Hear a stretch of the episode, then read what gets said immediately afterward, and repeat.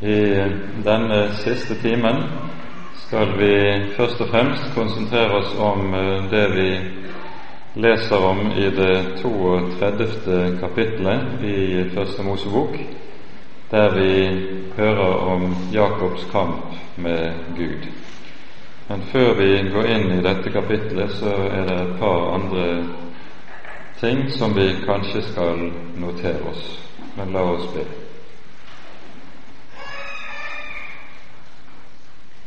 Herre, på ny kommer vi inn for dine øyne og ber deg, Herre, send ut din Hellige Ånd og vær hos oss. Send ut din ånd for at Han må åpenbare dine ord. Amen. Vi nevnte ved avslutningen av forrige time om uh, hvorledes Jakob reagerer på synet av himmelstigen, på Herrens løfte som han mottar ved denne anledningen. Og han reagerer slik vi slett ikke skulle forvente oss. Vi skulle kanskje forventet oss takk og tro, men i stedet er det skeptisk tvil som uh, ligger på Jakobs lepper. Dersom Gud vil være med meg. Det er tvilens ånd som lyder gjennom disse ordene.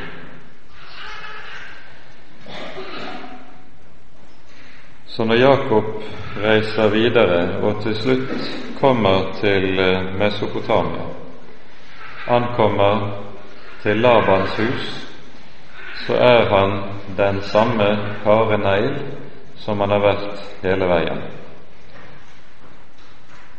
Og nå blir det 20 år Jakob får der i Jakobs hus, i Labans hus. Han kommer først til å tjene syv år for Rakel så syv år for Lea, og til sist knappe syv år for uh, å opparbeide sin egen eiendom og formue. Og vi hører i dette livet her med i Labans hus har Jakob det på ingen måte enkelt. Har Jakob selv vært en bedrager og lurendreier hjemme i sitt eget hus, så har han funnet sin overmann i dette stykket når han kommer til Laban. Og Luther sier i sin utleggelse av Første Mosebok om nettopp dette at når Jakob kommer til Labans hus, så bruker Gud den ene skalk til å tukte den annen.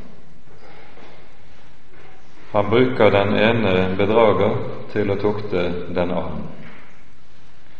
Og det er nettopp dette som skjer med, under Jakobs opphold hos Laban.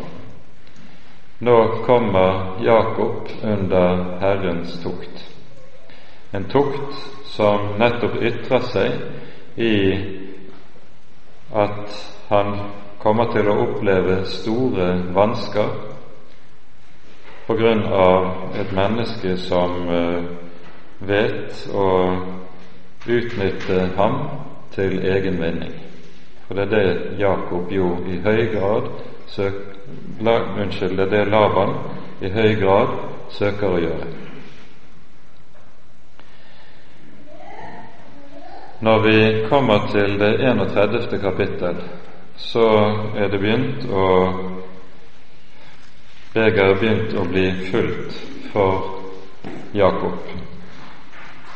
Han har i disse 20 årene vunnet seg stor eiendom.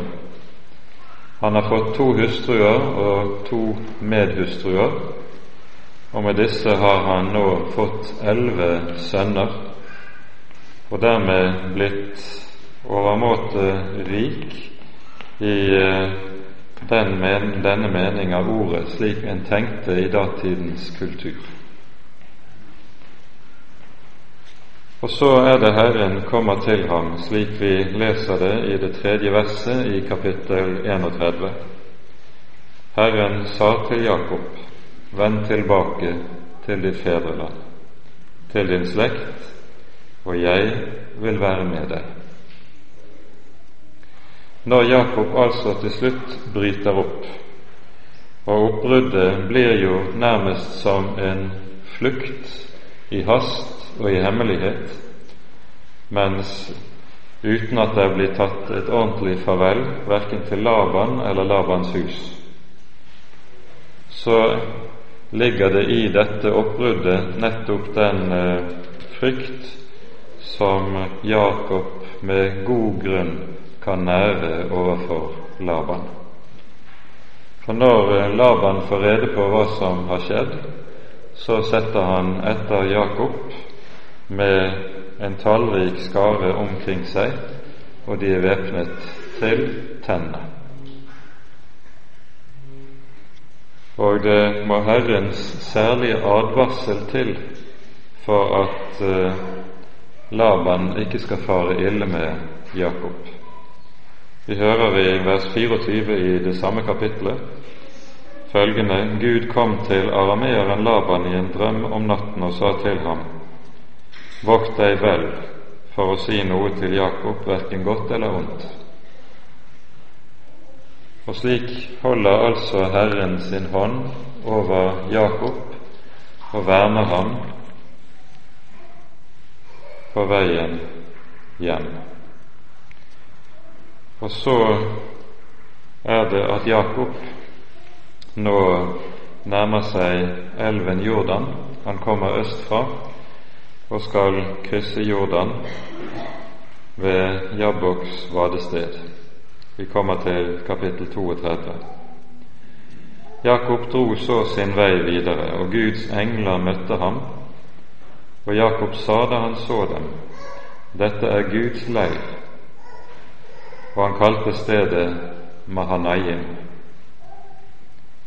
Så sendte Jakob bud foran seg til Esau sin bror i landet Seir på Edoms mark. Han bød dem og sa:" Dere skal si til min herre Esau, så sier din tjener Jakob. Jeg oppholdt meg her hos Laban og vært der helt til nå. Jeg har fått okser esler og småfe, treller og trellkvinner. Nå sender jeg bud til min Herre for å fortelle dette og for å finne nåde for dine øyne. Sendebudene kom tilbake til Jakob og meldte:" Vi kom til din bror til Esau. Nå kommer han selv i møte med deg, og 400 mann er med ham. Da ble Jakob meget forferdet. Vi skjønner at det er med bevende hjerte at Jakob nå nærmer seg hjemlandet, for han vet når han krysser Jordan, så må han møte Esau. Esau som har sverget å ta ham av dage med å krysse Jordan, så møter dermed Jakob for fullt sin fortid. En fortid som vi ikke hører det ringeste tegn til at Jakob har villet ta noe oppgjør med. Og Nettopp dette det viser seg igjen i det Jakob nå gjør når han hører om Esau som sender som kommer mot ham med 400 mann, så prøver Jakob på ny å sno seg, på ny å finne utveier så han kan klare seg selv. Gud hjelper den som hjelper seg selv. Det har vært Jakobs devise hele veien. Det er jo noe som aldeles ikke er sant. Herren hjelper den hjelpeløse, som er noe ganske annet. Men Jakob prøver altså å sno seg i møte med det som ligger foran. Han sender foran seg store flokker av får og av storfe som skal være som eh, soningsgaver å regne når Esau treffer på disse. Og han prøver på denne måten å mildne Esaus sinn når, før han møter ham direkte. Så det er det vi hører nå utover i kapitlet. Men før vi kommer så langt, så leser vi videre fra vers 7. Da ble Jakob meget forferdet. Han delte folket som var med ham, og småfe og storfe og fe og kamelene i to leirer, for han sa:" Om Esau kommer til den ene leir og slår den, så kan den leiren som er igjen, få berge seg unna. Og Jakob sa, Min far Abrahams Gud og min far Isaks Gud, Herre, du som sa til meg, Vend tilbake til ditt land og til din slekt, og jeg vil gjøre vel imot deg. Jeg er uverdig til all den miskunnhet og trofasthet som du har vist mot din tjener. For med min stav gikk jeg over Jordan her, og nå er jeg blitt til to leire. Jeg ber deg, fri meg fra min brors hånd, fra Esaus hånd, for jeg er redd for ham, at han skal komme og slå i hjel meg og mine, både mor og barn. Du har jo selv sagt, Jeg vil gjøre vel imot deg. Jeg vil la din ett bli som havets sand, som ikke kan telles for mengde. Han ble der den natt. For første gang hører vi Jakob be. For første gang finner vi Jakob på kne. Og vi forstår at midt under at Jakob enda er den samme mann, så er det likevel begynt å skje noe i dypet av hans sinn. Denne bønnen kunne Jakob ikke bedt for 20 år siden. Og i, dette, så, i denne bønnen så ser vi jo også noe av det som er det grunnleggende i all bønn overhodet, all kristen bønn, all bønn i bibelsk forstand. Legg merke til hvordan Jakob ordlegger seg. Etter å ha påkalt Herren, min far Abrahams Gud og min far Isaks Gud, så påberoper han seg Guds eget løfte.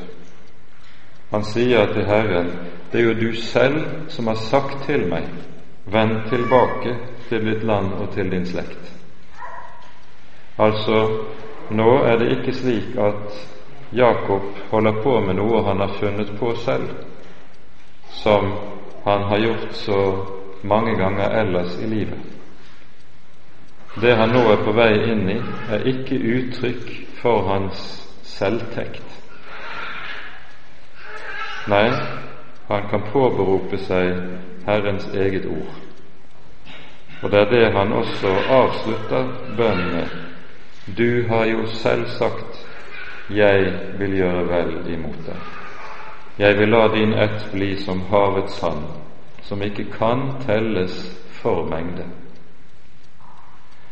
Og I dette så ser vi noe som er overmåte betydningsfullt i all bønn overhodet.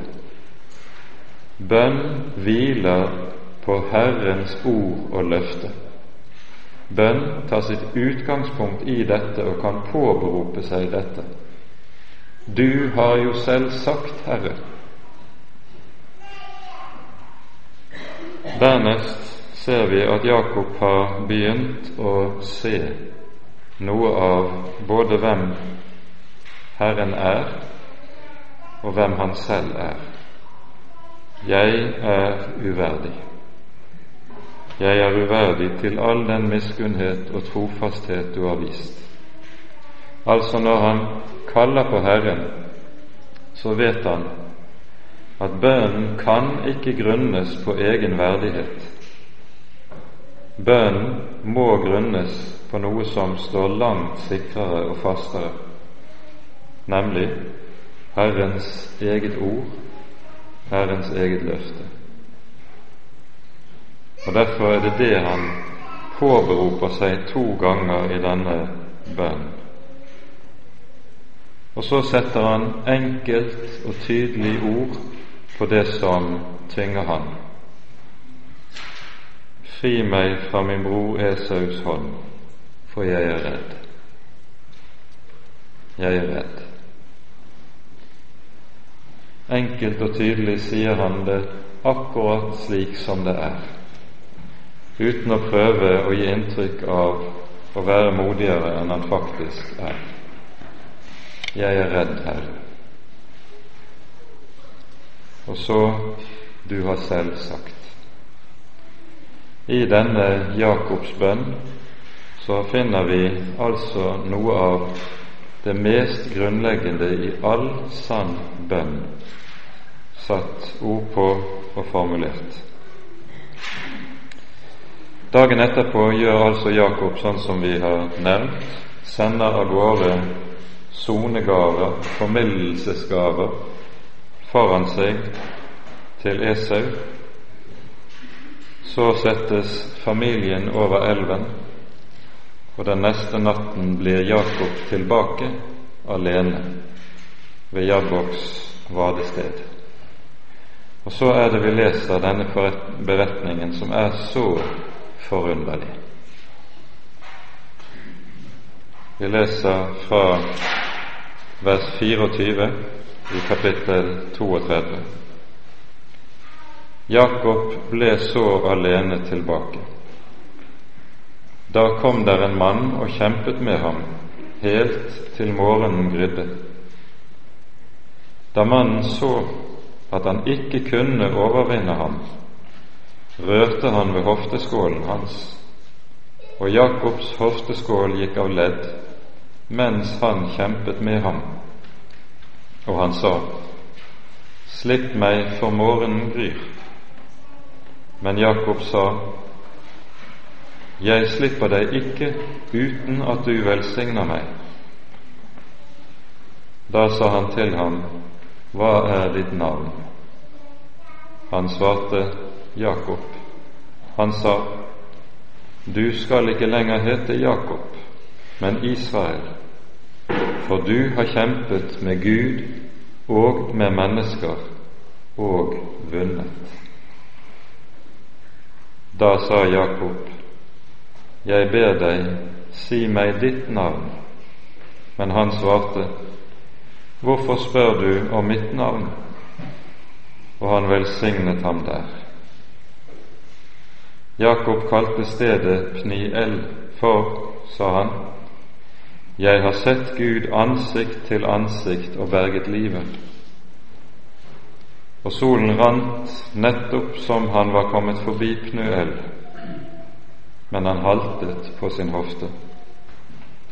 Derfor er det slik til denne dag at Israels barn aldri eter spennescenen som er på hofteskålen, fordi han rørte ved Jakobs hofteskål på spennescenen.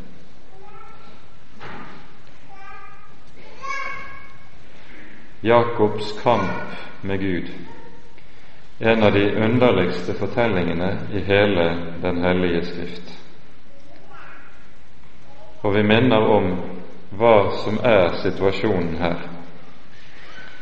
Når Jakob nå skal krysse Jordan, så skal han møte sin egen fortid. Han skal møte, i og med Esau, sitt eget svik og bedrag. Et svik og bedrag som han altså aldri har søkt å ta noe oppgjør i forhold til i de 20 årene som ligger imellom. Og det er nettopp det denne kampen handler om og dreier seg om. For med at Jakob har flyktet fra oppgjøret gjennom alle disse årene, så har han også dypest sett flyktet fra Herren Gud. Vi ser i Jakob legemliggjort det vi hører allerede om Adam og Eva i hagen etter fallet, der det står om dem at da de hørte Herren komme da kvelden var blitt sval, så gjemte de seg blant buskene. De rømmer fra Gud for å slippe unna dette at skal de møte ham igjen, så må de møte sitt eget svik, sin egen fall, til oppgjør. Å møte Herren er å måtte igjennom det ubehag som det innebærer.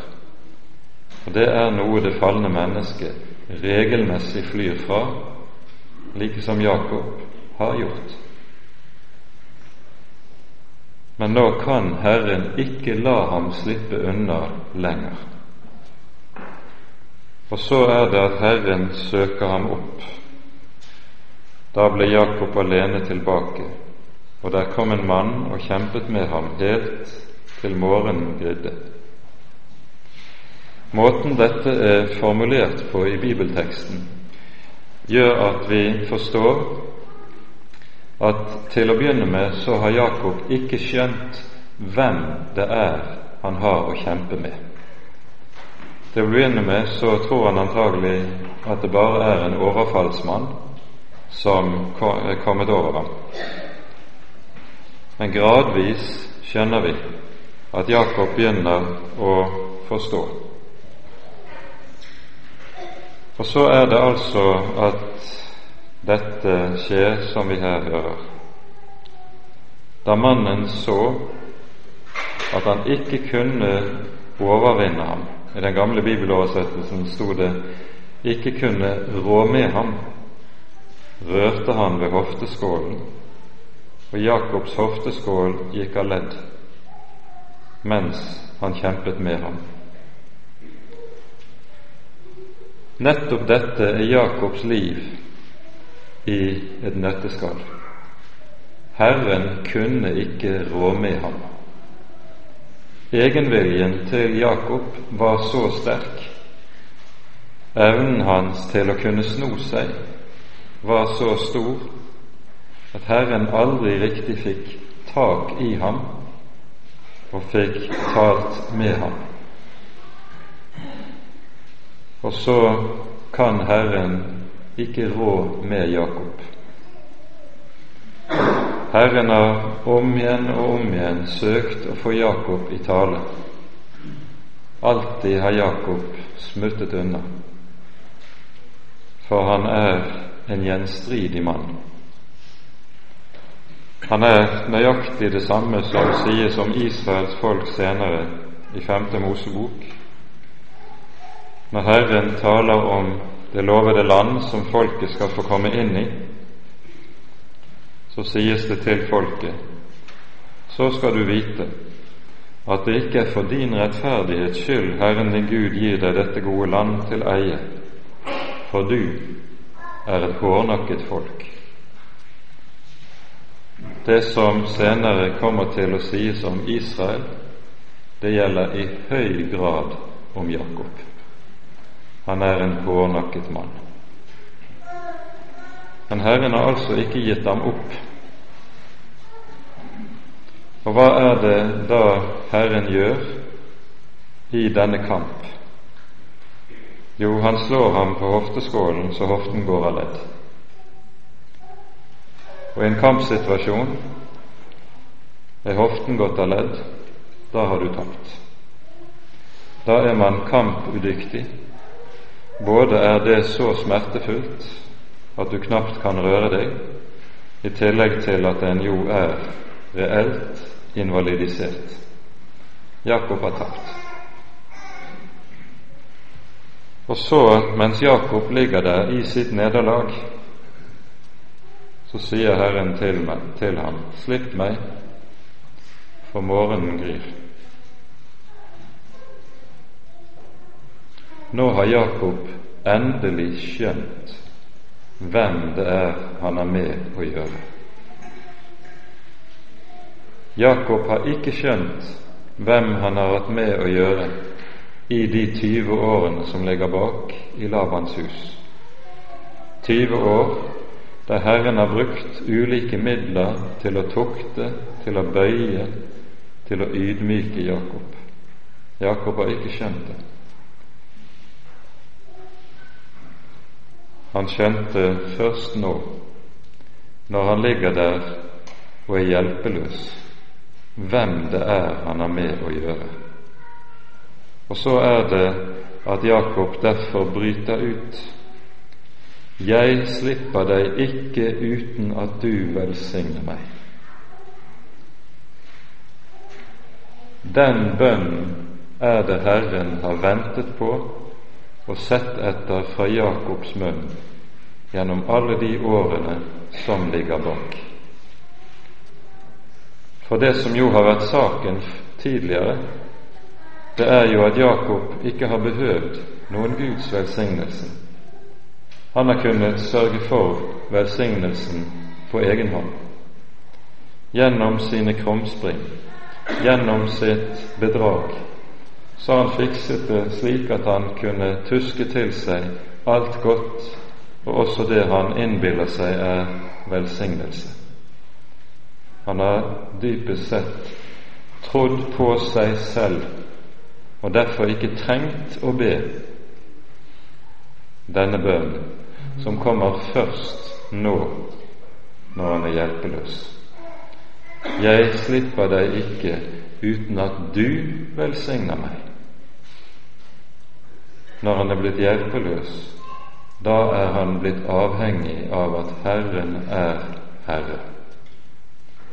Da kan han ikke lenger gjøre noe som helst krumspring for å finne en utvei lenger. Jeg slipper deg ikke uten at du velsigner meg. Herren kan ikke velsigne Jakob før noe annet har skjedd. Og Derfor lyder spørsmålet til Jakob fra Herrens side Hva er ditt navn? Hvorfor spør Herren Jakob slik? I Bibelen er det jo slik at navnet det er innbegrepet for det som en person er. Navnet rommer personligheten, karakteren, hele personens liv likesom i en sum. Så når Herren stiller spørsmålet 'Hva er ditt navn?'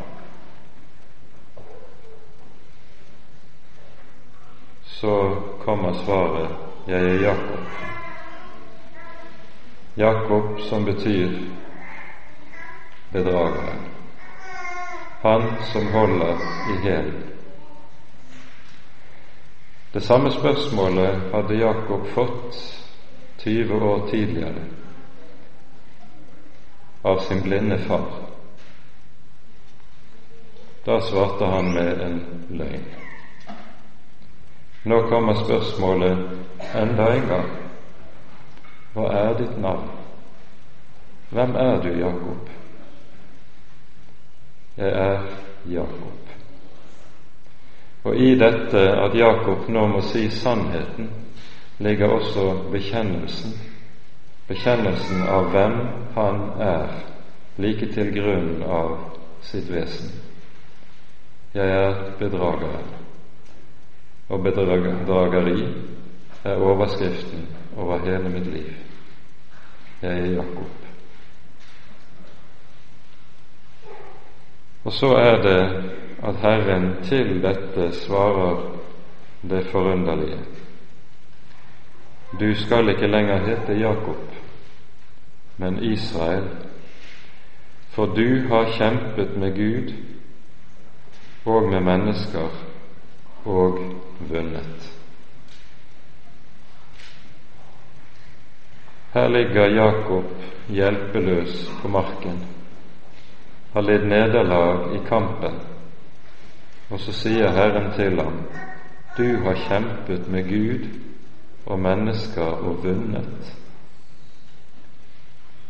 Det er jo snudd på hodet. Men saken i dette er jo det at skal Herren inn til et menneske, det mennesket som er stivnakket og har stive knær og slett ikke vil bøye seg, så må Herren ofte anvende ganske drastiske midler for å bøye et menneske dit hen at det blir en åpen dør. Og disse midlene kan oppleves rent subjektivt hos den enkelte som at en har lidd det fullstendige skipbrudd i livet, det fullstendige nederlag i livet. For her er jo saken den at skal Herren bryte et menneskes gjenstridighet, da kan den skarpe lut være det som er det eneste som hjelper. I Jobbs bok så hører vi det settes ord på denne sannhet i det 36. kapittel, hvor det nettopp er tale om den samme sak hvordan Herren anvender de tunge ting, trengsel, nød og motgang, for sine formål. Og så sies det i denne sammenheng Du frelser den ulykkelige ved hans ulykke. Merk den talemåten. Du frelser den ulykkelige ved hans ulykke. Herren må anvende slik, slike midler for om mulig å kunne gi evig frelse til en synder som ikke lar seg bøye på annen måte.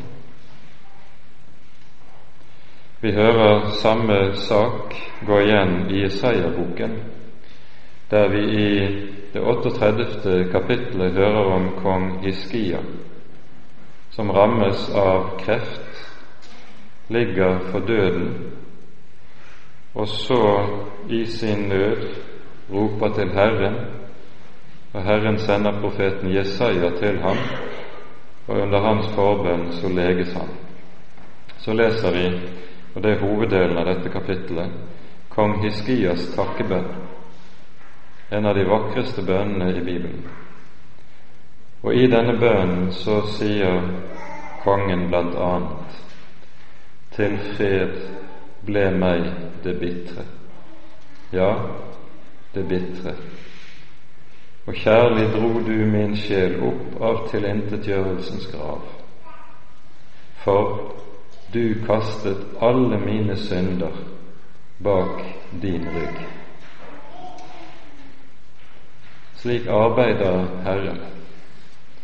For det vi skal være oppmerksom på, at i sitt stell med oss mennesker, så er det viktigste i Guds måte å styre med oss på, det er ikke at Han får utdannet oss, men at Han får dannet oss. Han er like som pottemakeren som arbeider med leire, og slik arbeider han med livet vårt i sin hånd og anvender de midler som er nødvendig for at karet skal bli som han hadde tenkt. Han danner, han utdanner ikke. Og Jakobs nederlag er nettopp det som er nødvendig for at Herren skulle nå inn til ham. Jakobs nederlag blir hans seier. Du har kjempet med Gud og mennesker og vunnet, lyder det til ham der han ligger i sin nød. Og Derfor sier Herren til ham, du skal ikke lenger hete Jakob, men Israel. Jakob får det nye navnet, et nytt navn skjenket ham av Herren selv. Og i og med at navnet er det som vi har vært inne på, innbegrepet av og summen av det en person er, slik tenker Bibelen, så betyr et nytt navn at her er det blitt en ny mann, et nytt menneske. Etter denne kampen med Herren er det en annen mann som reiser seg og går over Jordan. Du skal ikke lenger hete Jakob, men Israel. Et æresnavn skjenket ham av Herren selv der ved Jabok. Da sa Jakob, Jeg ber deg, si meg ditt navn. Men Herren svarte, Hvorfor spør du om mitt navn? Og han velsignet ham der. Herrens navn åpenbares først senere. Det skjer når Moses står foran tornebusken, slik vi leser om det i 2. Moseboks tredje kapittel. Der åpenbares navnet det hemmelighetsfulle, usigelige, som i våre bibler er oversatt slik Jeg er den jeg er. Dette er mitt navn, og dette skal dere kalle meg Jeg er. Guds navnet bærer i seg noe usigelig som ikke kan gripes av mennesker. Samtidig så er det slik at måten dette er formulert på i grunnteksten Når vi hører det hos oss er oversatt med 'det er et underlig navn',